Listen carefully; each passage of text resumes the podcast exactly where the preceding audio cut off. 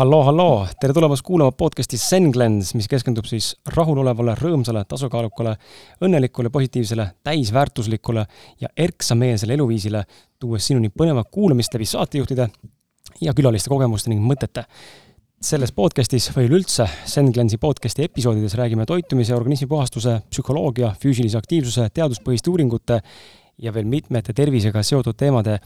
teemade siis otse ja keerutamata lihtsas ning arusaadavas keeles, vähemalt see on meie eesmärk ja missioon, et tuua see,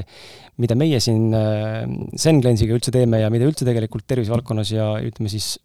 seedimise valdkonnas tehakse, et inimene saaks aru tegelikult, mis päriselt toimub meie keha sees, äh, mis seal tegelikult aset leiab, kuidas seda ka paremini toime tulla ja kõike muud veel juurde, sest tihtipeale see jutt on väga keeruline ja ja võib-olla võhikule täiesti arusaamatus äh, hiina keeles, viide siinkohal siis Renele äh, Hiinale.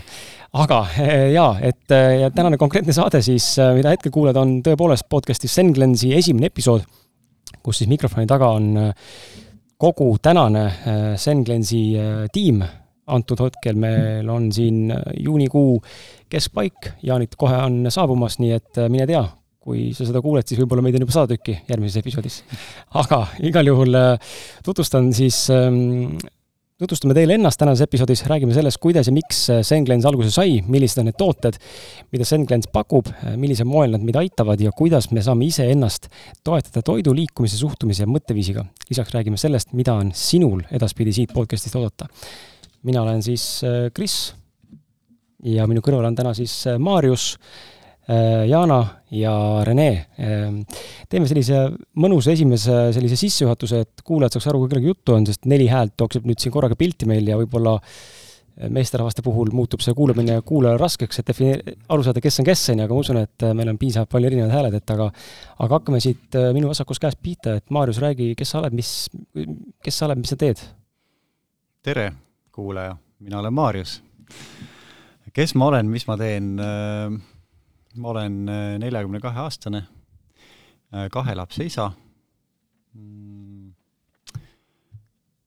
tegelen siis täna jah, täna mulle, mulle meeldib ikka öelda seda, et ma olen äh, soojuspumbameest, ma olen hästi-hästi pikalt tegelenud soojuspumpadega ja ja üldse tehnika valdkonnas ja, ja nüüd viimased kaks pool aastat on sellise muutuse minu ellu toonud, et äh, olen hakanud tegelema hoopis tervise, inimeste tervise parendamisega, sealhulgas ka enda oma tervise parendamisega äh, meeldib huumor, meeldib äh, alateadvus ja psühholoogia, meeldivad äh, suvised soojad ilmad ja meeldivad äh, rannavõrkpall ja ilus kollane liiv. ja tere kõigile, mina olen siis Jana ja ähm, aitäh kõigile, kes, kes, kes te seda podcast'i kuulate, et see saab kindlasti olema edukas äh, selle poole pealt, et et te saate hästi palju teada, uusi äh, teadmisi, äh, uusi selliseid väärtusi, mida just nimelt oma tervise heaks teha. et minu terviseteekond algas seitse aastat tagasi, kui ma ärkasin sõna otseses mõttes uuele elule. Ja minu selliseks spetsiifikaks nüüd viimaste aastate jooksul ongi olnud bakterid ja ütleme, mikrobiomi taastamine sest et neis pisikestes tegelastes peitub väga suur jõud. ja Senglensi tiimiga liitusin ma ka nüüd, nüüd eelmisel aastal ja, ja kuna kehapuhastused ja selline vundament äh, peaks meil olema kõigil väga tugev, sel-, selleks, et me sinna peale just ehitada hakata saaksime. ja selle eest ma olen ka Senglensile hästi tänulik. tervist, mina olen Rene Pürkland ja igapäevaselt tegelen Hiina meditsiiniga. taustalt öö, olen lõpetanud ka Tartu Ülikooli arstiteaduskonna, aga nagu ma ütlesin, siis igapäevaselt on Hiina meditsiini patsiendid ja Senglinsiga Maarjus tutvustas mulle seda vist umbes kaks aastat tagasi, esmakordselt. võib-olla küll. ja ütleme niimoodi, et äh, minu kogemus äh,, ma leian, et see on praegult äh, nii-öelda minu tööriistakastis üks äh, väärt tööriist, mida patsientidega kasutada ja mitte see, et ma nüüd igale ette tuleval, ette tulevale inimesele seda soovitaks, aga, aga ma arvan, et see sobib väga paljudele inimestele ja, ja sellest tahakski täna rääkida. väga hea, otsad on lahti tehtud, et tegelikult äh, kui kuulaja veel aru ei saanud, sest me tegelikult ei vihjanud ega viidanud konkreetselt sellele, aga need neli häält, kes täna siin saates kõlavad, on tegelikult äh, kes iganes, kes rohkemal vähemal määral saab olema tõenäoliselt rohkem kuuldud ka siin Senglensi podcast'i episoodides jooksvalt, et tõenäoliselt mind, Krissi ja Maarjust on siis rohkem tihedamini kuulda, Jana siis tõenäoliselt figureerib meil seal Äh, Senglensi Facebookis äh, live podcast idena äh, või siis live koolitustena, vestlustena, kogemuslugudena ja, ja loomulikult tuleb ka siia podcast'i nii palju kui võimalik on. Ja Rene siis pigem ma arvan, et on selline taustajõud, kes vajutab nii vaimult kui ka siis füüsiliselt aeg-ajalt meile juurde hoogu ja, ja kui on väga eksklusiivsed episoodid, ma arvan, et ma usun, et Rene on võimeline tulema ka punti, kui on midagi väga ägedat tulemas, nii et selline on see kondikava meil täna, aga Lähme selle Senglensi brändi juurde ja, ja suunangi siin siis fookuse, noh, kuna mina olen, mina olen ju isiklikult siin kõige uuem pesamuna, on ju, ja tean kõige vähem, alles vaikselt õpin ja kombin, on ju, seda maailma ja, ja neid õigeid termineid ja, ja seda ajalugu üldse, mis siin tänase ettevõtte puhul toimub üldse selle toodetega, et ähm, siis mina kahjuks veel täna ei võtaks endale seda rolli, et ma räägiksin, mis toimub, kuna see on isiklik kogemus ka teiega ka, on ju, Maarjus, sinul, siis äh, ole hea, too, tee sina nagu ots lahti ja siis Jaan-Rene saavad täiendada, kuidas, kuidas nagu nemad ka sellega eh, mingil määral liitusid ja, ja see ongi meie järgmine küsimus, ongi igaüks siis kokku puutus sellega, aga alustame sellest, kuidas Senglens tekkis, eh, kust tuli idee eh, ja, ja kuidas see üldse Eesti turul jõudis, mida me täna siin siis inimestele pakume mm? -hmm no ma räägin siis selle loo, kuidas see asi kõik alguse sai, et, et ma olin äh,, ma olen seda lugu juba palju rääkinud, aga kindlasti ka on ka väga palju ja veel rohkem inimesi, kes seda kuulnud ei ole, aga aga see saigi alguse umbes kaks pool aastat tagasi, ma olin äh, Taimaal reisil Kopangani saarel, kus ma ikka olen ja jälle olen käinud, seal on mõnus rahulik olla ja, ja nägin siis äh, oma tuttavat naisterahvast scrollimas pilte telefonis ja need pildid olid äh, täiesti teistsugused, mitte sellised inimestest, äh, vaid pigem tundusid nad mulle selliste organitena, mis on, äh, mis on pandud katseklaasi nende lahuste sisse. ja ma ei saanud aru, miks ta vaatab neid, jube põnevalt niimoodi suumis sisse ja ja, ja siis ma küsin, et mis, mis pildid need on, miks sa vaatad neid? ja, ja see vastus oli veel nagu niisugusem üllatavam, et, et ei, need on väljaheitepildid mis väljaheite, et, et no inimesed nagu puhastuvad, et siis tuleb nagu niisugune asi sealt välja ja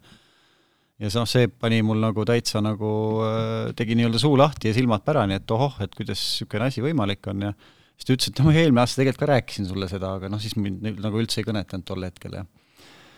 ja, ja ma kuulasin ära selle ja sain teada, et, et see puhastus nii-öelda või, või see detoks või puhastus või organismi puhastus on ka selles mõttes hästi efektiivne, et tuleb sellist asja välja ja ta võtab ainult üks päev. mis pani siis mind küsima kohe, et kas teil on kaasas ka seda siin Taimaal, eks ju, et jaa, jaa, et meil on kaasas, et et saame ära teha. ja ma ütlesin, et jaa, jah, ma tahaks, tahaks kindlasti teha ja leppisime siis selle päeva kokku, äh, millal me sõbraga siis olime seal, et sõbra, sõber tuli ka punti, et millal me lähme siis äh, nende juurde äh, seda puhastust läbi viima või läbi tegema. ja, ja seal oli ka paar ettevalmistuspäeva ja, ja siis sellel päeval jõudsime hommikuks nende juurde ilusti, kenasti, tegime selle päeva läbi ja õhtuks anti siis mulle niisugune korvike kaasa. ja öeldi, et nii, et nüüd lähete õhtul magama ja hommikul, kui häda tuleb, peaks tulema hommikul häda, paned selle korvi öö, omal tagumiku alla, mitte ei lase kõike seda potti, püüad kinni, ühesõnaga selle, need, need jääkained ja selle nii-öelda välja heita. ja siis tõmbad ilusti kas kilekoti või, või küpsetuspaberi peale kuhugi nii-öelda laiali, et siis sa näed ka sedasama pilti, mida ma siin nagu vaatasin telefonis enne. noh, siis oli põnevus muidugi väga suur ja, ja hommikul ärkasin üles ja tunnen, et ongi käes, ongi see hetk, võtsin siis korvi ja ja panin alla ja minu imestuseks täitus see korv nagu täitsa nagu peaaegu et ääreni, noh, muidugi te siin ei näe, kui suur see korv oli, aga, aga ma võin öelda, et see, et nii-öelda välja tõmmatuna oli siis väljaheide või need jääkained meetri pikkused ja olid niisuguse soolestiku kujuga ja, ja noh, näha oli, kuidas need kurdude vahelt oli tulnud siis mingit niisugust rasva ja mustust ja no, no igasugust nii-öelda niisugust no päris jube pilt oli see ühesõnaga ja, ja, ja see tunne, mis mul siis pärast seda väljutamist tekkis, oli selline nagu noh, tohutu kergendus, niisugune nagu oleks vee peale tulnud ja tõmmanud üle pika aja nagu vee all sukeldudes niisugune sõõmu õhku jälle sisse niimoodi kopsudesse, niisugune, mõnus tunne, eks ju, tekkis. ja ja siis mõtlesin, et vau, et, et et kuidas see võimalik, kuidas, kuidas ma nagu varem ei teadnud, miks nagu läänes ei räägita sellest, noh, kuidas see võimalik on, et ma nüüd alles kuulen, eks ju, sellest. kuigi äh, kuigi ma omast arust olin ka ju suhteliselt nagu tervislikult toitunud, kuigi nüüd tagantjärgi vaadates, et väga tervislik nüüd see ka tegelikult ei olnud, et, et siis noh, sellest hetkest hakkasin nagu ka rohkem vaatama, et mida ma söön, on ju, pärast seda, kui ma nägin, mis minu seest välja oli tulnud. ja siis mul tekkiski mõte, et, et ma tahan oma sõpradega jagada seda ja helistasin kohe ühele sõbrale ka, Taavile, ja, ja jagasin oma kogemust mingi samal päeval, et mingi saad aru, mis ma tegin praegu, et jube kihvt, eks ju, ma ja võib-olla täpsustuseks seda, enne seda ütlen ka, et või enne seda ma ei olnud mitte ühtegi detox'it varem teinud, mind nagu ei kõnetanud see, sest et noh, see tundusid mulle niisugused vaevalised ja pikaajalised ja ja pluss veel see, et ma ju ei tea, kas tegelikult nagu toimib, toimib midagi, et noh, kõht läheb lahti, seal nagu läheb midagi tühjaks ja kas ta siis puhastab või lihtsalt kõht lahti, et noh, see ei olnud minu jaoks nagu teema nagu varem aga pärast seda siis see kõik muutus. ja, ja jagasin Taavile seda juttu ja olin ise hullus nagu niisuguses mõnes mõttes eufooria seisundis isegi. ja, ja, ja pärast need kaks-kolm-neli, noh, neli mahlapäeva tegin, olime mahla peal, mis andis mulle veel, veel lisaks seda energiat kõike. tekkis mul esimene kahtlus, mõtlesin, et tead, aga äkki oli see, mis must välja tuli, see, mille ma sisse sõin hoopis ja siis ma läksin äh, uuesti selle Danieli juurde, kes seda, selle brändi siis ka loonud on ja kellel on seal Hiinas oma äh, ravikeskus, kes, kes ta,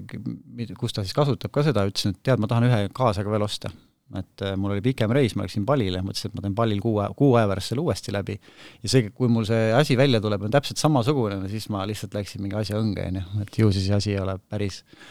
ja tegin kuu aja pärast selle läbi ja, ja see, mis must välja tuli, oli seda, see kogus oli palju väiksem, see oli täitsa teist värvi, ehk et ta oli juba heledam, ta ei olnud nii must ja tume, ühesõnaga noh, kõik see oli, oli näha, et, et äh, konsistents ja kõik see kogus oli täitsa teistsugune, ehk et tõepoolest see, mis mul esimese korraga välja tuli, oli päriselt see, mis mu soolte seintest ja igalt poolt nii-öelda siis kokku oli kogutud ah,. nii siis siis ma hakkasingi mõtlema, et nii, nüüd ma tahan oma sõprade peal seda ka katsetada. tellisin äh, Danieli käest mingi kakskümmend neli karpi oli vist neid alguses, tellisin siia Eestisse, esimene sõber oli mul siis ema kes oli tol ajal kuuekümne kuue aastane, ütles, et nii, niisugune lugu, et teed ka selle läbi, et ema, emal väga valikut ei olnud, on ju? no ema, ema nägi minu seda emotsiooni, vaata, ütles, et no davai, on ju, ta nagu ei, isegi kordagi kahelnud, et noh, teeme läbi, on ju. ja, ja siis, kui ma nägin, kuidas see nagu emale mõjus, mis ema seest välja tuli ja kuidas tal silmad läksid särama ja ja samamoodi kadus kaal nagu mulgi, eks ju, seal kuus-seitse kilo lihtsalt nagu kõrval, kõrval nagu toime, noh, et, et siis ma mõtlesin, nii, nüüd on järgmiste sõprade kord ja, ja kui ma nägin, ka nendele toimib see väga paljudel täpselt sarnaselt, et nad tunnevad ennast hästi, äh, söögiisud muutuvad, nad hakkavad tervislikku, tervislikumaid valikuid tegema, mingitest terviseprobleemidest said nad kas leevendust või nad läksid päris üle. mõtlesin, et nii, okei okay., ma olen soojuspumbamees aga see on tehtud taimedes, seal on igasuguseid erinevaid taimi, kümneid mõtlesin, et kes see siis teab nendest taimedest, eks ju, noh, tegelikult ma ei mõelnud, tegelikult tuli kohe Rene Pürkland mõtlesin, et nii, et äh, otsin Rene üles, et Reneed mina ju tol hetkel ei tundnud ja, ja vaatasin, et, et kuidas ma temaga kontakti võiks saada. Ja leidsin, et äh, patsient teda vastu ei võta, et haigeks me ennast eeselda ei saa, et läheks tema vast-, vastuvõtul tal liiga palju tööd, aga tal oli samal ajal, äh, oli üks loeng ka seedimisest vist, eks oli nii Läksin sinna loengule ja tegelikult ega ma väga seda loengut ei, ei, ma ei mäleta ühesõnaga, mida ta väga seal räägi, rääkis, mul oli niisugune ärevus sees, vaata, et noh, et ma saan nagu tutvustada seda, et, et mis ma nagu noh, kuidas Rene üldse äh, reageerib sellele. ja kui kõik küsimused olid ka küsitud, siis ma läksin Rene juurde ja, ja ütlesin, et tead, ma leidsin ühe niisuguse toote, mis võib väga paljusid inimesi aidata aga ma ei tea, millest see koosneb, et noh, mis taimed, mis taimed need on, kuidas nad mõjuvad, et sina oled nagu spetsialist, et kas oleksid nõus vaatama? ja Rene äh, ütles, et jah, saada mulle infot, et saada mulle kõik see värk, et ma võin vaadata küll ja, ja, ja siis mõne aja möödudes Rene viskaski pilgu sellele peale ja ja, ja ütles, et mul on hästi meeles, et kui nende taimedega saab äh, soolestiku või seedesüsteemi puhtaks, siis on see küll väga vägev, et, et need ei ole seal üldse tugeva toimelised taimed et nad ei mõjuta ühtegi organit, et ohtlikult, et, et mingisugust äh, organit siis äh, mingit ta-, taime mõju oleks tugev, et äh, ja siis Rene juba ise proovis ja ja sealt siis nii-öelda see asi läks niimoodi, et Rene, Rene käest sain siin selles mõttes nagu, Rene kui arsti käest sain ka heakskiidu ja Rene räägib muidugi kindlasti ise nagu rohkem juba selle poole pealt, et kuidas ja mida ta nägi, et, et lühidalt siis selline lugu ma tahtsingi kohe küsida, et Rene jätkaks juttu, et mind täpsusta, enne kui sa hakkad siis vastama või noh, täiustama Maarjuse juttu enda osapoole pealt,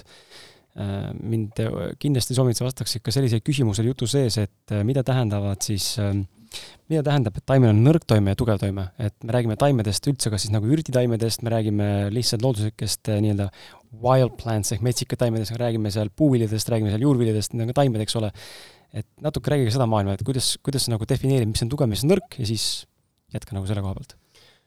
jaa, et ähm, see loeng jah, ma mäletan, et Maarjas istus seal taga ja niheles enamus ajast. ja siis, kui ta lõpuks rääkima tuli, et et eks ma võtsin seda natuke reservatsiooniga, seda infot, et noh, erinevaid inimesi tuleb peale loengut rääkima, pakkuma mingeid asju. ja noh, natuke aega ikkagi Maarjas pidi peale käima, et ma seda prooviksin ise. Aga, ja siis ühel hetkel ma proovisin ise ära, küll äh, olude sunnil ja noh, ma sain siis sellel hetkel aru ka, et niimoodi ei saa seda teha, et ma ei saanud vaba päeva võtta, ma pidin, mul olid seal mingid äh, kohustused, mis ma pidin tegema, et, et kui sellist puhastust teha, siis tegelikult mida oleks vaja, on kolm päeva. et üks päev on see, kus sa tavaelust välja tuled, sööd natuke vähem, sööd taimset toitu, emotsioonid natuke rahulikumad, ühe päeva teed seda puhastust ja ühe päeva tuled välja sealt. et siis see efekt on kõige suurem aga, aga noh, nii palju ma ikkagi sellest esimesest korrast maitse suhu sain, et, et mõtlesin, et sellega on mõtet edasi minna. ja nüüd, kui sa, Kris, küsid nende taimede kohta, siis noh, kui me vaat-, vaatame Hiina meditsiini järgi, siis me saame, igal taimel on toime, igal toidul on omad omadused, kuidas ta keha mõjutab. Aga ka Hiina meditsiinis esimene ravivahend on tegelikult toit. ei ole taimravi või nõelravi või massaaž või kupud esimene, kõige tähtsam on toitumine. ja igal toidul, kas ta on taimne või loomne, on mingi teatud mõju erinevatele organitele, erinevatele organsüsteemidele ja aga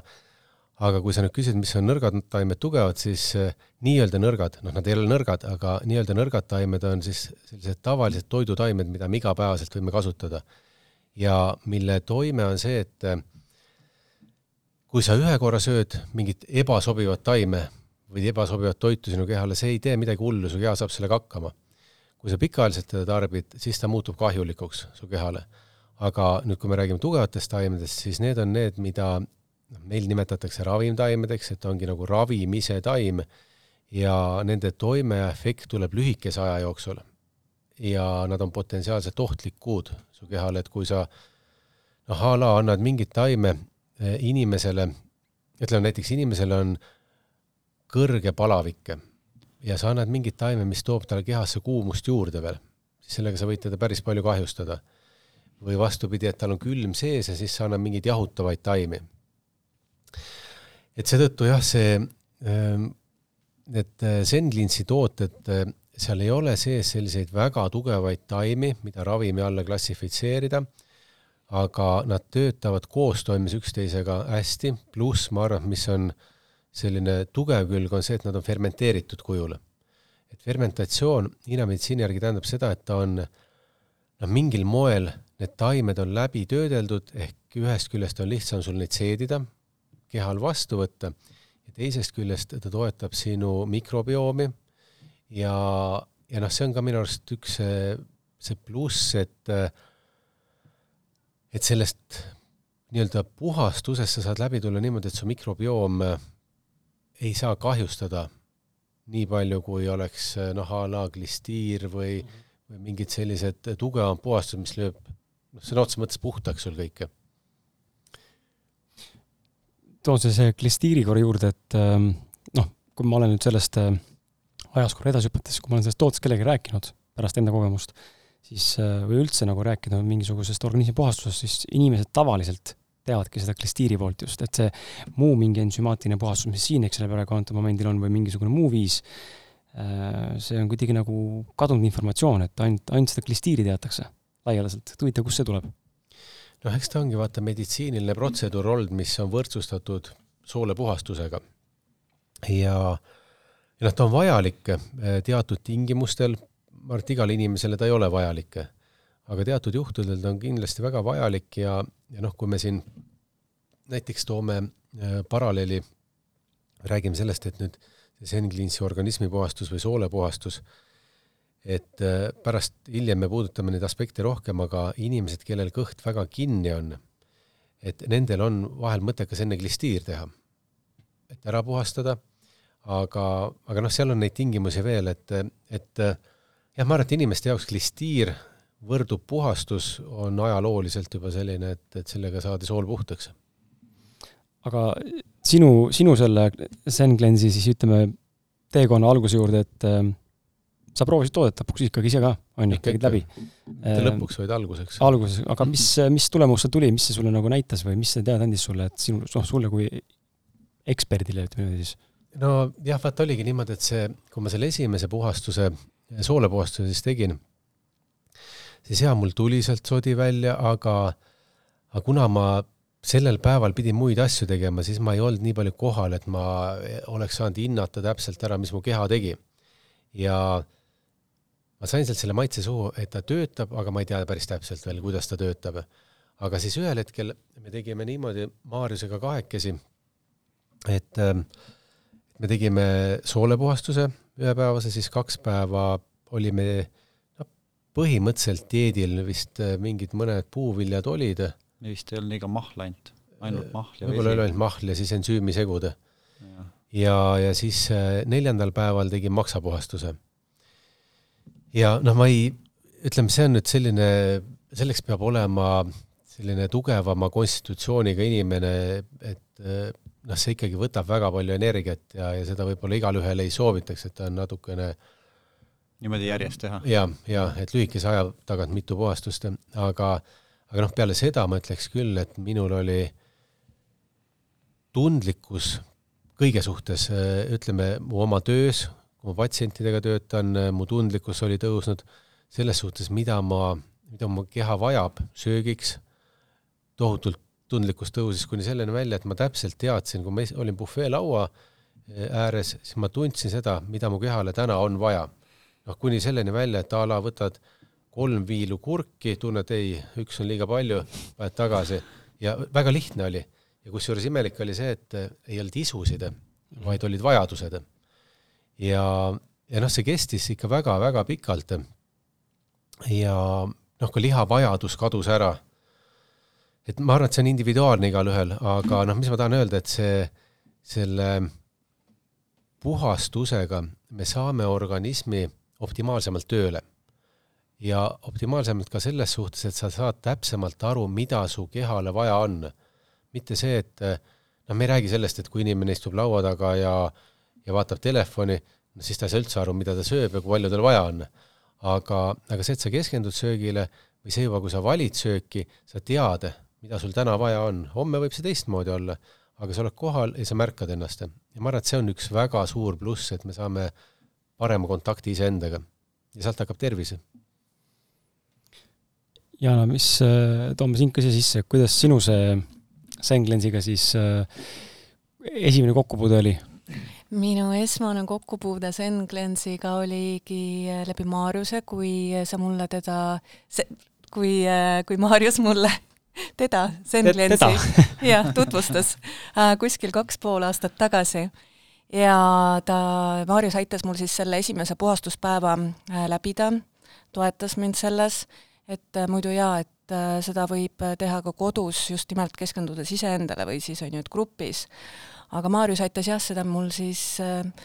äh, läbida ja see kogemus oli selline, et ma põhimõtteliselt terve selle päeva magasin, sest ma ei olnud väga palju võtnud aega iseendale, ma olin väga palju üle töötanud ähm,, selles mõttes, et see, see päev äh, iseendale selliselt, et äh, iga tunni aja tagant neid ensüümijooke võtta iga tunni aja tagant vett või siis ja ingveri teed juua. Et see, see kogemus oli midagi erilist, sellepärast et see, mida ma järgnevatel päevadel tundsin, on kirjeldamatu, see oli selline tohutu energialaeng ja ja, ja täitsa noh, selles mõttes kõik noh, ka toitumine, ma arvasin, et mul oli endal paigas, aga, aga ka see nagu minu puhul muutus. et mina tundsin hästi suurt vahet, mis on nagu siiamaani peegeldumas äh, tegelikult minu tervises ka et ja see, et silmavalged on valged järgmisel päeval, see on väga äge selles mõttes, et see paneb silmad särama. et see on iga inimese oma selline isiklik kogemus, mis tema keha just on nagu salvestanud või on võimeline tol hetkel nagu vabastama. Et see on, ähm, ma usun jah, palju rohkemat kui, kui lihtsalt ka füüsilise keha puhastus küsin siia niimoodi provokatiivselt vahele, mis see silmade läikima löömine tähendab, et silmavalged, muna, silmamunavalged lähevad valgemaks, mis see, noh, tegelikult ei muuda tooni ju, või muuda muudab või? mis see tegelikult teeb, miks see, miks see? mis ta võib olla, äkki Rene soovib seda selgitada? jaa, ma arvan, et nad valgemaks ei lähe, aga nad hakkavad särama. et mm. vot see on üks äh, kontseptsioon, mis Hiina meditsiinis ka on, äh, öeldakse, et see ei ole ainult silmade kohta, see on juuksed, see on nahk, see on kogu see olemus et äh, kui sa oled terve, siis sa särad. ja kui sul on silmad tuhmid, äh, sul on juuksed sellised tuhmid, nahk on kahvatu, siis noh, Hiina meditsiinis on hea öeldus, hea ütlus selle kohta, seda nimetatakse, et see on shen. Shen on nagu meie vaimne aspekt, mis põhimõtteliselt väljendubki igas su liigutuses, igas olemuses. Ja see ongi see sära. ja seal on selline ütlus, et kui shen on olemas, siis prognoos on hea. vahet ei ole, kui raske haigus on ja kui senne ei ole, siis prognoos on alati halb. ehk kui sa oled kuskil haigevoodis sellise tuhmistunud pilguga, siis noh, see ei ole hea prognoos, aga kui sul silm särab, sul tekib söögiisu, sul on noh, selles suhtes mitte nüüd hundiisu, et sa peale puhastust hakkad sisse lahmima, aga aga põhimõtteliselt äh, ta näitab seda, et su keha töötab hästi ja no võib-olla Jaanal läksid valgemaks ka silmad, ma ei tea, aga aga, aga pigem ma arvan, et mida ta mõtles, oli see, et seal on sära, et silmad ei kila, vaid nad säravad. -hmm. okei ja ei, see on äh, väga hea, et te selgitate seda, sest et seda mainitakse äh,, olen korduvalt kuulnud seda silm, seda silmade teemat, eks ole, aga noh, just, mis nagu tegelikult nagu tähendada võiks. tahtsid midagi öelda, Maarjus? ja ei, ma veel siin jah, selle sisse tuua, et ja mu ema oli ka just esimene niisugune efekt oli järgmine päev, ta ütles, et saad aru, mul silmad säravad, ma ei ole tükk, ma olen aastaid näinud seda tunnet, et ja, ja ja mis veel, kui sellest nendest efektidest rääkida, et, et ta toob vedelikku ja niiskust välja, mis oli jälle mu ema puhul oli see, et abielusõrmus ei olnud käinud nagu aastaid ümber näppu, noh, väga raskelt vaata siis järgmisel päeval käis tšükk-tšükk-tšükk-tšükk ilusti nagu, nagu mm -hmm. välja, et, et see oli huvitav. ma saan jagada enda kogemust, kuidas mina, kuidas mina selle esimese tarbimiseni ta,, proovimiseni kasutamiseni jõudsin, on ju. et, et ma olin, elu on selles mõttes müstiline, et kui üks uks sulgub, siis teine avaneb, on ju, et ma olin just avalikult siis enda esimese ukse äh, sulenud, on ju, ja siis juhuslikult, noh, juhuslikult pole olemas, aga juhuslikult tuli siis kohe Maarjuselt kõne, on ju, on ju, tegelikult kirjutas Facebookis, pärast tuli kõne, on ju, et kuule, helista, mul on üks ülipõnev jutt, vaata. ma olin väga skeptiline muidugi, ma olin valmis juba, mul tuleb sealt niisugune võrdturunduse müügijutt, et äh, mingisugune jälle mingi kolmas kuskil mingi püramiidi skeem, mis äh, tuleb, tuleb müüa, vaata aga ei, saime kokku ja, ja siis äh, rääkisime sellest ja noh, Maarjus ei hellitanud selles mõttes, Maarjus viskas kohe mulle need kakapillid letti seal äh, söö, söögilaua ääres onju, et vaata, vaata, et aga no ma olen mitte nõrganärviline inimene ka ja mulle nagu mind ei häiri, noh, on inimesi, kellele ei meeldi vaadata söögi ajal mingeid väljaheitepilte või mingisugust, ma ei tea, mis iganes veel, ja siis on inimesi, keda see üldse ei häiri, onju, et noh, teine võib siin kõrval eksperimenteerida ka kõrval, aga ma saan ikkagi süüa normaalselt, sest mind lihtsalt ei häiri. Aga võib-olla ma olen imelik, ma ei tea, onju, aga, aga lihtsalt mind ei häirinud ja siis ma vaatasin, et tekkis huvi nagu, et okei okay,, et päris põnev, noh, nii nagu sinulgi, Maarjus, onju, et vau, et sihuke asi tuleb välja, sest ma ei olnud enne midagi isiklikult puhastusega kokku puutunud, ei veepaastu või mahlapaastu või mitte mingi muude paastudega kokku puutunud, ma olin teinud äh, lühiajalist paastumist küll selles mõttes inglise keeles intermittent fasting, mis on siis noh, kaheksatunnine söögiaken, eks ole, tihtipeale tavaliselt klassikaliselt ja kuusteist tundi ei söö. seda ma olin teinud äh, mingi aeg, pikemat aega, aga see oli ka ainuke asi, mida katsetanud olen ja siis mul tekkis kohe huvi, et äh, päris huvitav, peaks nagu proovima. enne kui ma jõudsin mõelda, et või öelda Maarjus, ma tahaks proovida, siis ta viskas netti mulle, et kuule, see on sulle, tee ära, vaata. proovige, see ei ole võimalik, et ma just mõtlesin, et peaks nagu reaalselt ostma endale elukaaslase emale ja naisele ka, et äh, peaks nagu ära tegema sellest, sest et viimasel ajal oli päris palju jama söödud. just nagu sellel aastal siis, et kui muidu ma olen olnud nagu taimetoitlane viimased neli aastat, söönud üsnagi nagu selles mõttes teadlikult, üritanud jälgida toitumist, siis viimane pool aasta on olnud selline mõnus äh, vahelduv edu, niisugune kaka söömine, niisugune kräpi, kräpi sisseajamine vahelduv eduga siis ma saingi aru, et okei okay,, midagi nagu täiesti paigast ära, keha nagu nõuab mingi, mingid asjad nõuavad mu sees mingit jama, on ju, mingid asjad on sõltuvused kindlasti, ja siis see tundus nagu nii hea lüke, et davai, ma teen ära selle puhastuse. aga mul oli hirmud natuke ka, noh, et noh, teadmatus vaata ka, mis sa sinna sisse paned ja mis asi see on, on ju, okei, ensüümidest ma olin kuulnud, on ju, ja probiootikumidest ka, aga noh, et see on ikkagi võõras valdkond ja mis ma sinna teen ja kuidas see kehale mõjub ja milline see väljutus on ja siis Maarjas vaata hirmutas ära ka, heas, heas mõttes hirmutas ära, et no, et tuleb vaata noh, niimoodi välja tagant, on ju, siis sa tenitad mõtlesin, jummel, mis, mis seal teile tuleb, on ju. ja, ja siis ma muidugi netist lugesin juurde selle toote kohta ja ja, ja mina, ja huvitav on see, et intuitsioon on inimese tugev, vaata, et äh, selle tegemise päeval ma teadsin, ma olen see inimene, kes väljutab juba samal päeva õhtul. sest ma tean, mul on noh, bioloogiliselt hästi kiire ainevahetus niisugune äh, part, noh, ma võin süüa ja siis istuda nagu vetsupotil, et ühest otsast sisse ja teisest välja, et ei seedigi, noh, pildiga imendub väga vähe, seda ma näen ka. ja, ja siis Maarjus nagu sellega müüs ka ära, et äh, ta võib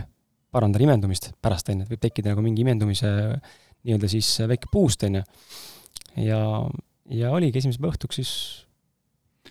kella kuue aega umbes oli esimene väljutus, noh ma mäletan, et sa muretsesid selle pärast, et terve päev nagu ei saa süüa või? jaa, ja ma olin väga mures selle pärast, terve päev süües, ma olen väga suure isuga. ma olen küll, noh, ma olen küll selles mõttes nagu, ma olen äh, ektomorfi tüüpi kehaküübiga, nii peenike poiss, aga isu on nagu suur ja ma ikka lahmin ikka sisse päevas ikka päris palju, ma arvan.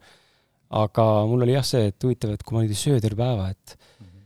mida-mida, et kuidas ma nagu vastu pean reaalselt, noh, et mul juba see tühja kõhu tunne, kui see esialgu sisse viskab ennast organismi, tekitab selle tunde nagu, et pff, mul nagu halb olla, ma tahaks nagu kohe süüa. ja aga ma pean üllatuse, üllatusega tunnistama, et äh, kõht oli kogu aeg täis, terve päeva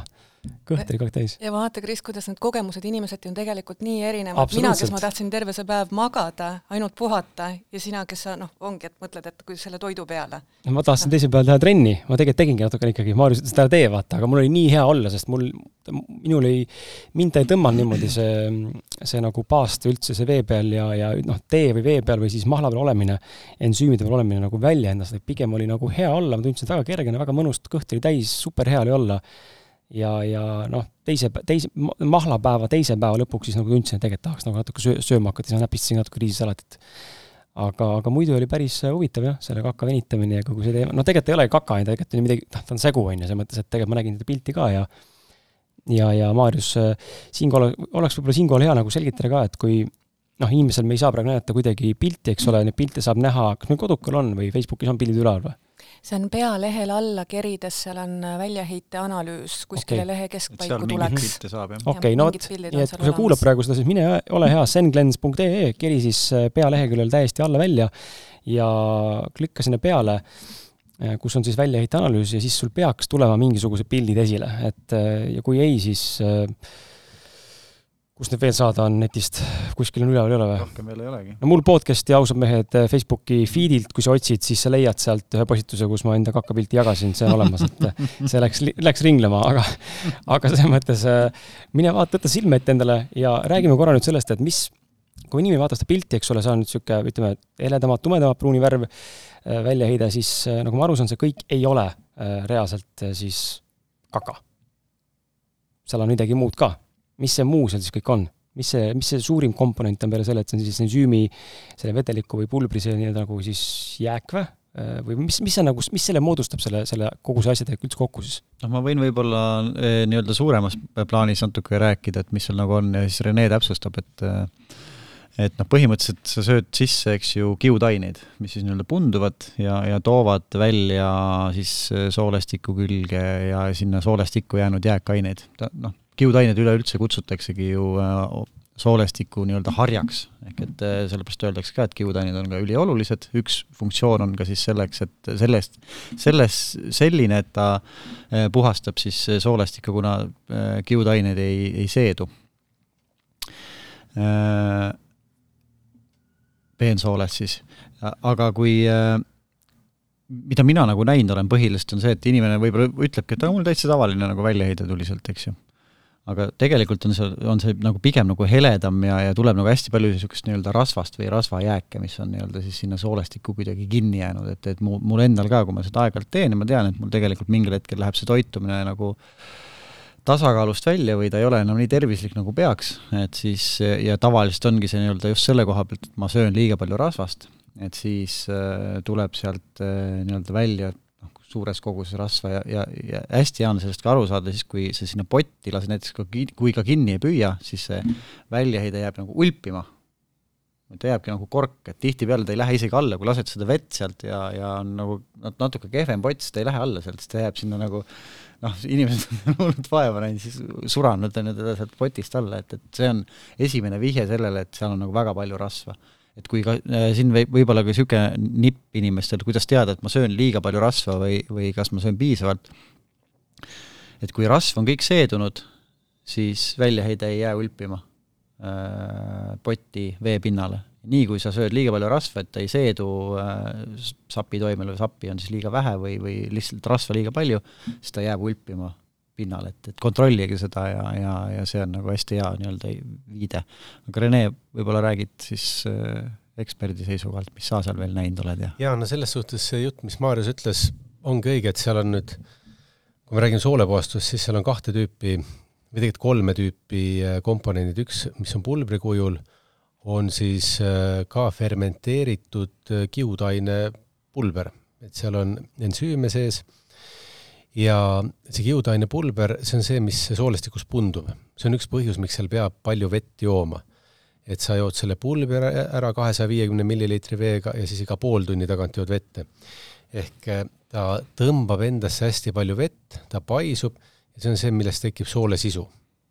ja see on see, mis sul see pikk vorst sealt lõpuks välja tuleb mm. -hmm. Ja just see, mida Maarjas enne ütles ka, et kui soolestik on puhas, siis ta tulebki selline helepruun vorstike sealt välja. isegi läbipaistev osaliselt selline. no sellist ma veel näinud ei ole, aga aga põhimõtteliselt jah, seal ei ole mingeid intensiivseid värve. aga tavaliselt esimese raksuga võib tulla sul veel mingit vana eelnevast toidust jäänud soole sisu ja kui siis äh, see kiudaine mass ongi siis see, mis nagu füüsiliselt puhastab soolt, noh, nagu juttu oli, et ta nagu harjaga tõmbab üle sooleseina siis järgmine, mida sa hakkad seal jooma või vahepeal ka hakkad jooma, on äh, vedelad, ensüümivedelikud,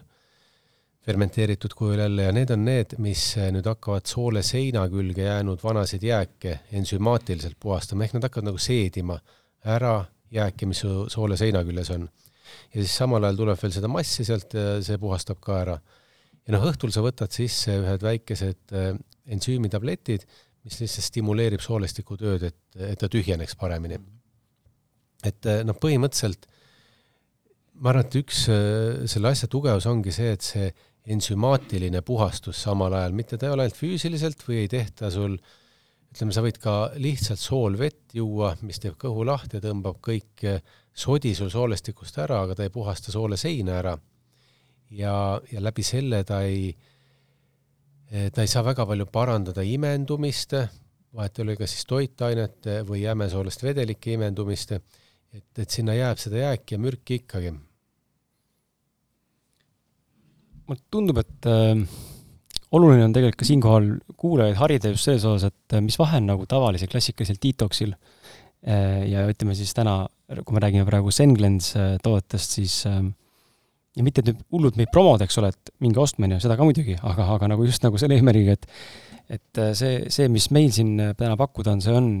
tiba teistsuguse toime ja, ja, ja ka mõttega, et äh, räägime korra, mis on suuremad eri, erinevused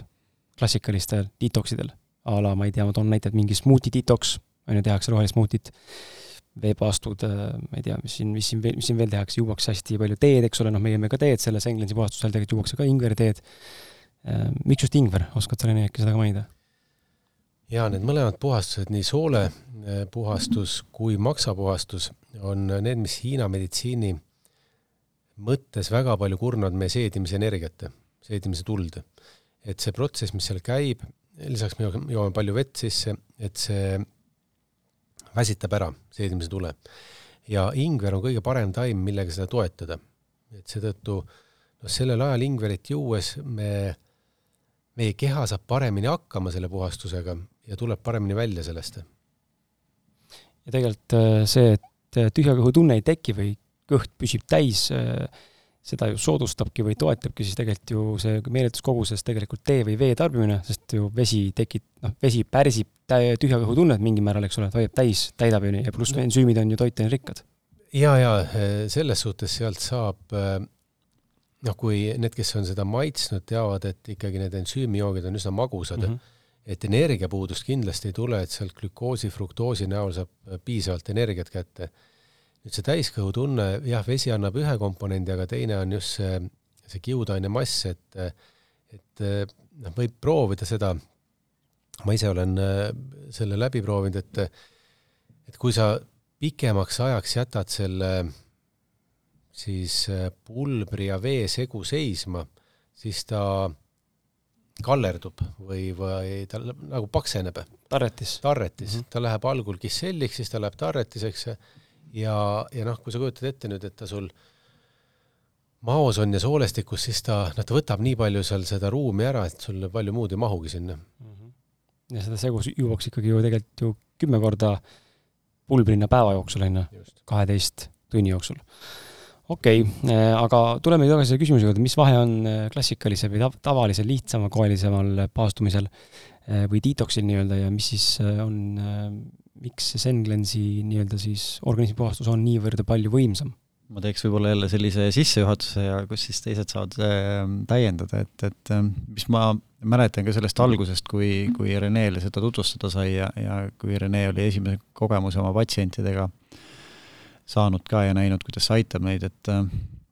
see üks põhilisi asju, mis ta nagu välja tõi, oli see, et see puhastus, et see puhastus, see Sengrens puhastus toimib normaalse seedimise käigus. Ehk et äh, seal ei ole mingit äh, tühja kõhu tunnet, seal ei ole paastu, mis Hiina meditsiini järgi on ju äh, nii-öelda paastumine pikama aja jooksul kulutab neeruenergiat, mis on meile kaasa antud, et, et see on üks asi. Mm, teine asi ongi see, et kui näiteks me räägime siin mahlapaastust või detoksist, mis see teeb? Kui sa, kui sa jood mahla pika aja jooksul, et soolestik läheb tühjaks, äh, energiat enam seedimisele ei pea minema, ehk et äh,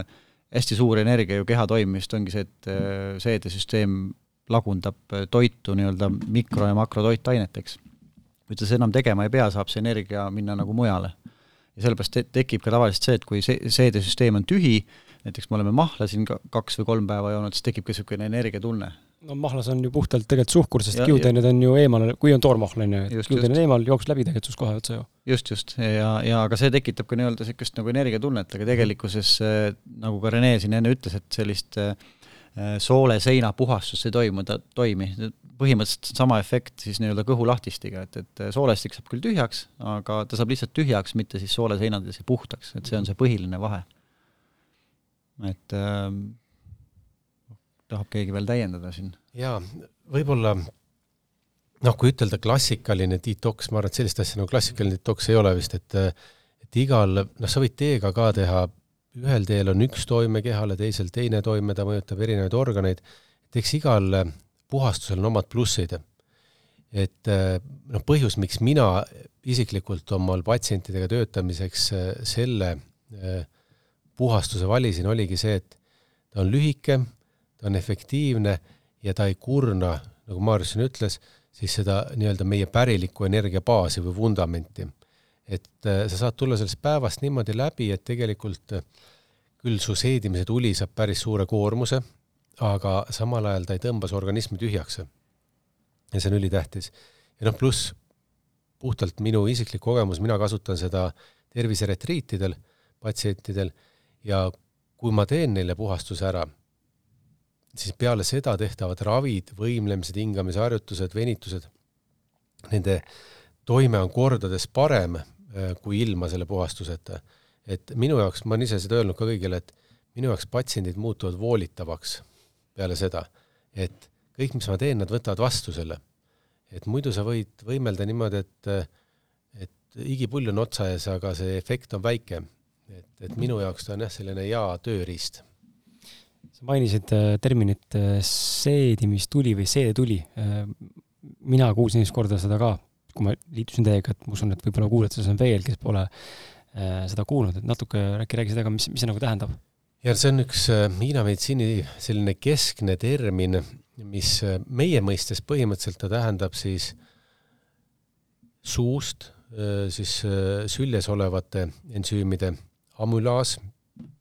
ühesõnaga suust kuni eh, siis pärakuni kogu seedekulgla funktsioon. see tähendab seda,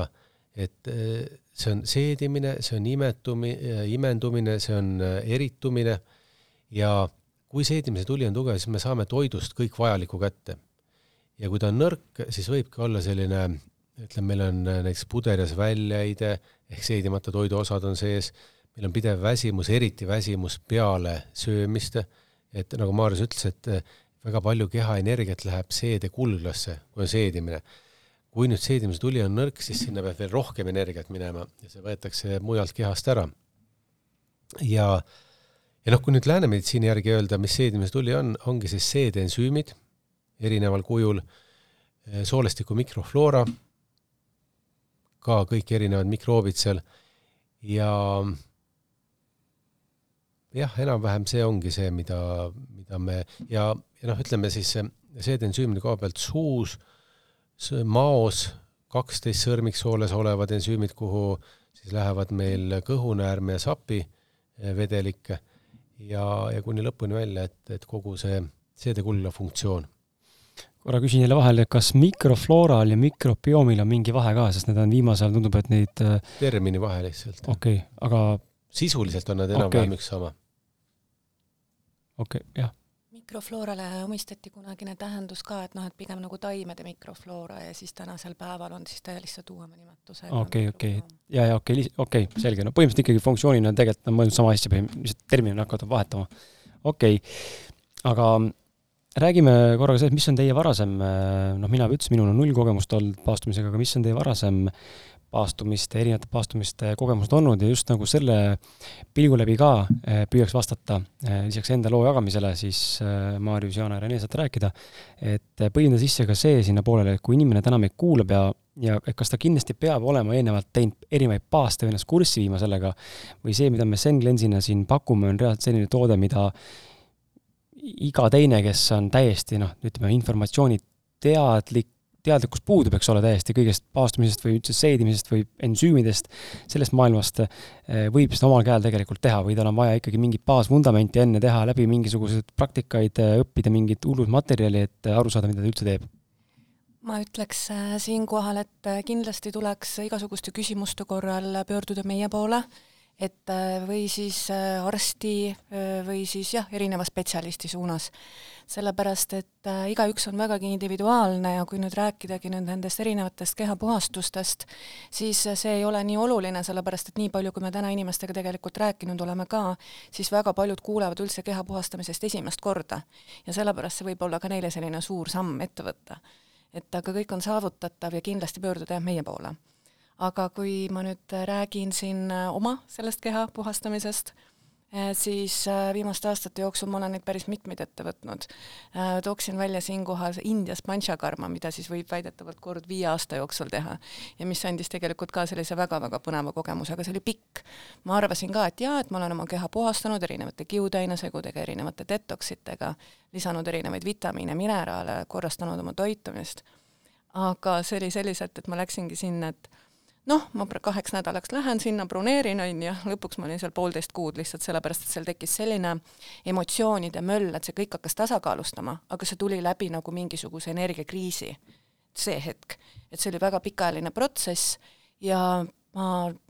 igasugused savi erinevad, äh, erinevad kuurid, neljateist, kahekümne ühe päevased. et aga siinkohal ma jah, ma just räägiksingi, et äh, miks mulle meeldib see Senglensi kehapuhastus, ongi see, et ta on lihtne, ta on tõhus, ta kummalisel kombel annab nii palju energiat pärast, et ta on hoopis midagi erinevat. see oli minu kiire kogemuse jagamine no minu kogemus on, äh, mul enne seda Senglensi puhastust polnud mitte mingisugust detoksi või, või paastukogemust, et et äh, jah, ja sinu küsimusel, kas seda võib ise teha kodus, et jaa, üldiselt enamik inimesi võib seda ise kodus teha.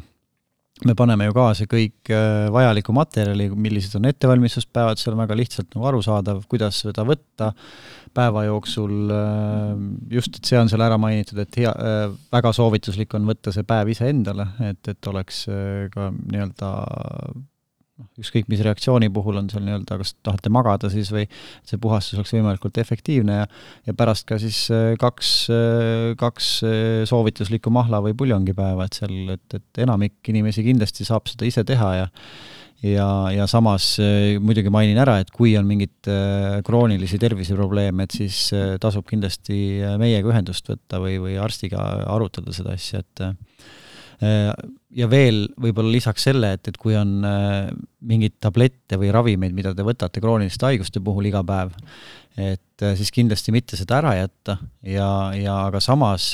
soovituslik oleks perearstiga üle vaadata, et kas need kogused pärast puhastust on ikkagi nii-öelda vajalikud, et ehk kui see imendumine võib nii-öelda paraneda, et siis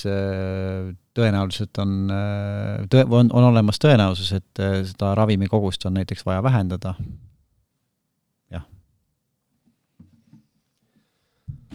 minu isiklik kogemus, ma ei ole ka väga palju paastusid teinud, et äh, mingeid kunagi küll, noh, nad pigem olid seotud mingite selliste praktikatega, enne mida pidi paastuma. ja noh, mäletan, et ütleme, kui ma seda Zen Cleansiga esimest korda tegin, mul oli väike hirm selleks, et äh, ma mõnes mõttes nagu sina, Kris, et äh, mul on ka vaja süüa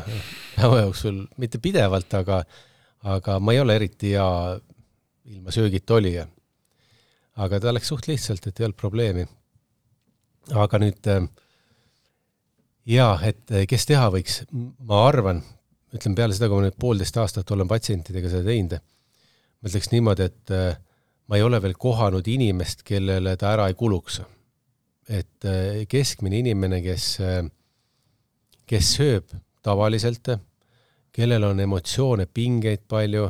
ja kes elab noh, vaata, vaatame tõele näkku, et ega me keegi ei, Eestis me elame suht puhastes tingimustes, keskkonnatingimustes, aga suurlinnad ja sellised kohad ikkagi, noh, meil selline pidev eh, kokkupuude toksiinidega on päris suur ja keha enesepuhastumisvõime on väga võimas, aga kuskil tuleb piir ette, kus võib-olla on seda vaja aidata. et sealt tulenevalt ma ütleks, et iga nii-öelda terve inimene, kellel ei ole mingit rasket diagnoosi pandud või kellel ei ole väga palju ravimeid, võib seda teha. aga need, kellel on raskemad haigused, need peaks kindlasti arstiga konsulteerima või siis arstiga koos tegema või, või kellegiga koos tegema, kes oskab äh, neid aidata sellel puhul, kui, kui nüüd puhastuse ajal organism äh, reageerib kuidagi tugevamalt. kas me oskame siin äh, niimoodi puusalt öelda ka mõne üksiku näite, et kes kindlasti ei võiks seda esialgu vähemalt teha, vähemalt üksinda? noh, organismi, ütleme selle soolepuhastuse koha pealt üks sihtgrupp, kellel noh, tavaline inimene võib-olla ei oska hinnata, kas tal on seedimise tuli nõrk või tugev, on ju, aga üks, kes peaks ettevaatlikud olema, on inimesed, kellel on krooniline kõhukinnisus. et vaata, kui see soolestik niisama ei käi korralikult läbi ja siis, kui sa annad seda massi sinna nii palju juurde ja, ja sul ei ole selliseid asju, millega teda stimuleerida väga tugevalt, et eh, siis eh, noh, see võib lihtsalt olla, ta tuleb üldjuhul lõpuks välja, aga inimene kannatab selle all, et kui sul on enne kogunenud seal nädalaid midagi ja siis nüüd tuleb veel viie liitri vedelikuga selline paar meetrit eh, tarretist, tarretist juurde, on ju, et siis see, see on keeruline ja, ja noh, kindlasti diabeetikud on sellised, kes kui plaanivad teha, et siis hoida eh, pilt peal veresuhkrul. Ja, ja noh, sellised ütleme, kroonilised ainevahetusega seotud häired või siis eh, noh, üldjuhul ütleme, inimesed, kellel on rohkem ravimeid peal, kellel on sellised tõsisemad diagnoosid, et need peaks enne konsulteerima ma tooksin veel välja soolestiku või seedekulga mingid põletikud või haavandid ka, et, et see võib olla Kindlasti. siis väga valulik, et jah, jah, et ta ikkagi mehaaniliselt mõjutab sooleseina ja kui soolesein on põletikuline või katki, et siis ta võib vere, verejooksu esile kutsuda mm. -hmm. ja vastunäidustatud on rasedatele ja imetavatele emadele ka. miks, kas see on sellepärast, et äh, toksiinid satuvad veres ringlema, kuna mm -hmm. need protsessid lähevad selliselt käima. ja, ja seal on vaata see asi, et kui nüüd soole seinast see sodi lahti tuleb,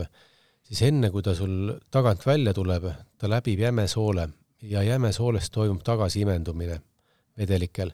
Ja, ja noh, seetõttu nii ehk nii mingid toksiinid verre imenduvad, su maks peab need puhastama, uuesti viima soolestikku läbi sapi ja seetõttu noh, jah, loode on äh, hästi tundlik nendele ja ka rinnapiima satuvad nad kergesti, et siis ei ole mõtet seda teha mm -hmm.. okei okay. äh,. siin kohe tõmbame otsad kokku ka, aga äh, peatus korra ka sellel äh, põhitõed, millest me siin äh, alguses korra mainisime ka, äh, ei mäleta, sina, Rene, ütlesid seda ja äkki kumb, kumb, Diana või Maarjus ka korra mainis, et äh, selge on see, et äh, me ei saa noh, Senglensi või ükskõik missugust toodet tituleerida nii-öelda ainujumalaks, on ju, või mingisuguseks imetooteks, et tegelikult toitumine on üks olulisemaid asju ja teine on liikumine, on ju. oskame äkki igaüks tuua siit välja mingi ühe ühe või kas või enama, kui tahate, äh, mingi põhitõe, mida siin äh, inimesele täna saaks kaasa anda, mida tuleks või võiks nagu jälgida igapäevaselt enda toitumise või näiteks liikumise juures? mida te olete ise märganud kas enda kogemusest või noh, Rene puhul siis näiteks patsientide puhul, ma ei tea, Jaanal äkki tõesti klientidega samamoodi, on ju, Maarjus äh, ema või ma ei tea, kelle peale, on ju, sõprade pealt, et mis, mis me oskame nagu välja tuua, on ju? Äh, ma arvan, et siin elus ei peaks käima kõik läbi mingisuguse sundimise, et väga paljudel inimestel ongi see, et neil on nagu selline nõrgenenud seedetuli või siis äh, see sisemine tuli, et äh, nad ei pruugi osata nagu teha kõige õigemaid valikuid ja sellepärast võib see otsustamine, valikute tegemine, elu muutmine nagu keeruline olla. et äh, siin näiteks ütleme tänu sellele kehapuhastusele, siis võibki see tänu sellele äh, nagu kõigele sellele tugevnemisele, mida inimene võib läbi selle kogeda, tegelikult palju rohkem jõudu on juures, see annab talle ka palju rohkem jõudu teha õigemaid valikuid. ja seeläbi juba paraneb, võib paraneda toitumine, see, et ta ütleb, et näed, samamoodi oskus kuulata oma keha, et ähm, see oleks nagu see minu soovitus, et äh, et me ei peaks läbi elu minema läbi sundimise, vaid peaks kõik lihtsalt ja loogiliselt ja mõnusalt käima. et me päriselt kõik oskaksime oma elu üha rohkem nautida ja väga ilusad mõtted, Jaana, väga ilusad. Äh, mina tooksin välja võib-olla lõpetuseks ütleks, et nagu sa ütlesidki, et see ei ole mingi imerohi, eks ju, et nagu noh, niisugust asja nagu imerohi ei ole olemas, kõik alkeemikud ja kõik on siin tahtnud seda luua, aga seda ei ole, et, et kõik on ikka inimese enda tahtes kinni, et et, et see toode, kui inimesel on soov teha mingit muutust oma elus, hakata paremini toituma, valima paremat toitu, hakata liikuma, mis iganes muutus see on ja mis iganes põhjusel, siis see Senglens puhastus on ülihea tööriist, et seda, toetada seda muutuse tegemist ka psühholoogiliselt, ehk et et kui inimene teeb läbi, siis ta tõepoolest kordades või, või tunduvalt, tunda, tuntavalt saab valida endale või kergemini saab valida endale paremaid toite näiteks ja, ja, ja liikuda mis ma ütlen veel, et pärast seda, pärast, või mis on nii-öelda siis tervislik toitumine, mis, mis on tihtipeale inimestel puudu Eestis, on kiudained. et kui te teete selle puhastuse läbi, siis jälgige, et jälgige, et te saaksite iga päev kolmkümmend viis grammi kiudaineid kui te seda suudate teha, siis te olete, siis te toitute juba tervislikult, et äh, siis ei ole mõtet viia või peensusteni seda asja, kui teil just mingit kindlat vajadust ei ole, aga kui te iga päev sööte kolmkümmend viis grammi kiudainet, siis teie seedesüsteem tõenäoliselt on korras ja puhas ka jätkuvalt selle valguses tuleb mul äh, meelde, kuidas, noh, see on niisugune pool, pool naljaga ka, aga tegelikult ta mõtles päriselt, ma kindlasti päriselt seda, et üks taimne veganarst ütles äh, ühes intervjuus niimoodi, et enam ei ole küsimus selles, kus me valku saame, küsimus, kus me kiudainet kätte saame. et me lihtsalt ei söö asju, mis on kiude sisaldusega, et tegelikult on see nagu nii-öelda varjul olev nagu probleem. ja pigem täna on see valgu ületarbivus nagu väga suurelt, ju. et aga Rene, sinul mingi mõte? jaa, ma olen nõus, et Jana ütles siin väga ilusaid asju ja Maarjus ütles ilusaid asju. ja jah, neid nõuandeid võib olla hästi palju, aga minu arust üks tähtsamaid on see, et meil on lihtne võtta vastu õigeid otsuseid, kui me oleme keskmes. kui me oleme keskmest väljas, siis me lahmime ühte või teistpidi. ja kui me toitumise koha pealt räägime, siis keskmes olek tähendab seda, et me oleme kohal, kui me sööme. Siis me saame aru, mida me valime, siis me saame aru, kas seda meie kehale on vaja ja siis me saame aru, palju seda vaja on. et ja see kohalolek, noh, seal võib igasuguseid muid trikke teha, aga niikaua, kui arvuti või telefon on lahti, söömisel, nii kaua me kohal ei ole. et, et tulla lihtsalt kohale maitsta iga suutäit, mida me sööme, nautida, selleks et ma ei tea, palju universumis on selliseid, äh, selliseid elukohti, kus saab toidu maitset tunda. et siin on meil see võimalus olemas ja nautigem iga suutäit. ja mina lõpetuseks, äh, minu enda üks suurimaid avastusi just äh, taimetoitlasena olles on, olen nagu hakanud rohkem tähelepanu pöörama, sellele on siis täistoit whole food siis inglise keeles, eks ole, et on nagu äh, töötlemata ja lõhustamata algses vormis nii-öelda, võimalikult algses vormis kontekstis, äh, ilma midagi eraldamata kuskilt. Et ei ole vaja pähklist õli eraldada, vaid tuleb süüa pähkleid ja, ja nii edasi, et äh, täistoidule nagu hästi palju panustada. nii juurviljaid, kööviljaid, kaunide, kaunviljadega ja lehtedega, et et see on olnud minu jaoks nagu hästi suur hämmastav, hämmastav kogemus, et kõik need sisaldavad tegelikult kõiki asju, mida vaja, vaja on, oma tervikuna just, ma mõtlen täistoiduna, et ei pea neid alati lõhkuma aga mis meil siit eh, podcast'ist oodata veel on? Ehm, ma saan nii palju öelda, et oodata on eh, igasuguseid põnevaid vestluseid erinevate külalistega, millal need külalised tulevad, ma ei oska siin niimoodi kohe ennustada, eks ole, täna, aga on tulemas eh, sportlaseid, on tulemas Eesti jutumärkides kuulsuseid, kes oma kogemust jagavad, eks ole, kindlasti on arste. Ja nii, nagu siin podcast'i sissejuhatuses või kirjelduses ka öeldud sai, et me tahame tugineda rohkem teaduspõhiste uuringutele ja, ja ütleme, sellisele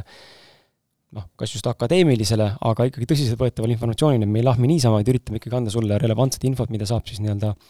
kas siis teadus, teadusega kuidagi tagada või, või kuidagi mingil määral tõendada, et see oleks nagu relevantsem ja, ja aitaks ka sind. et seda mambo-jambot on niigi palju ümberringi, et äh, teeme natuke teistmoodi asja ja ja kui see saade on kuulatud, siis ole hea, mine vaata neid äh, järgmisi saateid ka, meil tegelikult on juba üles laetud sinna ka äh, audiofailidena sulle nii mõnedki Facebooki lehekülgedelt siis äh, juba maha peetud vestlused äh, kogemuslugudega inimestega, kus on sportlased ja on, on olnud ka mingisuguse mõned terapeudid juba, kes on sõna võtnud seal, ja samuti on siis mõned üksikud episoodid juba olemas sulle kuulamiseks, kus siis Maarjus ja Jaana omavahel vestlevad ja räägivad äh, konkreetselt kas siis soolestikust või mõnest muust kindlast teemast. Ja lõpetuseks veel nii palju, et aitäh sulle, et sa kuulasid meid ja meiega olid. Ja kutsume sind osalema esimesel juulil toimuvale online kolme-neljatunnisele veebikoolitusele, kuidas elada rõõmsat täisväärtuslikku elu, mille kohta informatsiooni leiad siis just nimelt äh, Senglens äh, Eesti Facebooki leheküljelt äh, ja sellel samal veebi, veebikoolitusel, webinaril siis esinejateks ongi meie enda Senglens tiimi liikmed Maarjus Vahter, Jaana Sandberg ja Rene Pürkland, kes täna siin minuga laua ääres istusid ka ja lisaks sellele siis Rene räägib veebikoolitusel maksafunktsioonide olulisusest ning kuidas häirunud maks mõjutab inimese elukvaliteeti ning erikülaliseks lisaks meie tiimiliikmetele on siis doktor doktor, just nimelt, doktor Evelin Ilves, seda on väga harjumatu öelda, äh, aga kes siis jagab äh, lääne meditsiini seisukohti, kuidas soolestiku mikrofloora või siis mikrobioom äh, mõjutab inimese meeleolu ning stressitaset. lisaks tuleb juttu Senglensi toodetest ning millega on siis turvaline lihtne inimesel kodustes tingimustes enda maksa või seedesüsteemi puhastumist toetada. lisaks oleme palunud enda kogemust Senglens puhastustoodetega jagama ka paar inimest, kelle kuulamine võib anda nii mõnegi hea idee või nipi, kuidas sina enda tervist saad paremini toetada. ja pilet äh, veebikoolitusel on ainult kakskümmend eurot ja ma ei teagi, ma arvan, et sealt tuleb fantastiliselt palju teadmisi, kui sa oled avatud ja tahad kuulata ja ma usun, et äh, kuulates tänast vestlust või minu vestluspartnereid, siis pole küsimustki, et sealt ei tule huvitavat informatsiooni sulle ja harivat informatsiooni sulle, mis aitab sul liikuda iseenda parema versiooni suunas. nii et äh, mina igal juhul tänan sind, et sa olid meiega ja ma tänan teid kõiki, kes siin on meie ümber, aitäh sulle, Rene, ja aitäh sulle, Jana, aitäh sulle, Maarjus ja aitäh sulle, hea kuulaja! aitäh sulle, Kris! jaa, ja kohtume juba järgmises Senglensi podcastis. just, ja vahepeal minge vaadake Kodukat, seal on blogisid asju ka ja kogemuslood ja ja ega ei olegi midagi. tšau-tšau! kuuleme jälle! jaa, tšau!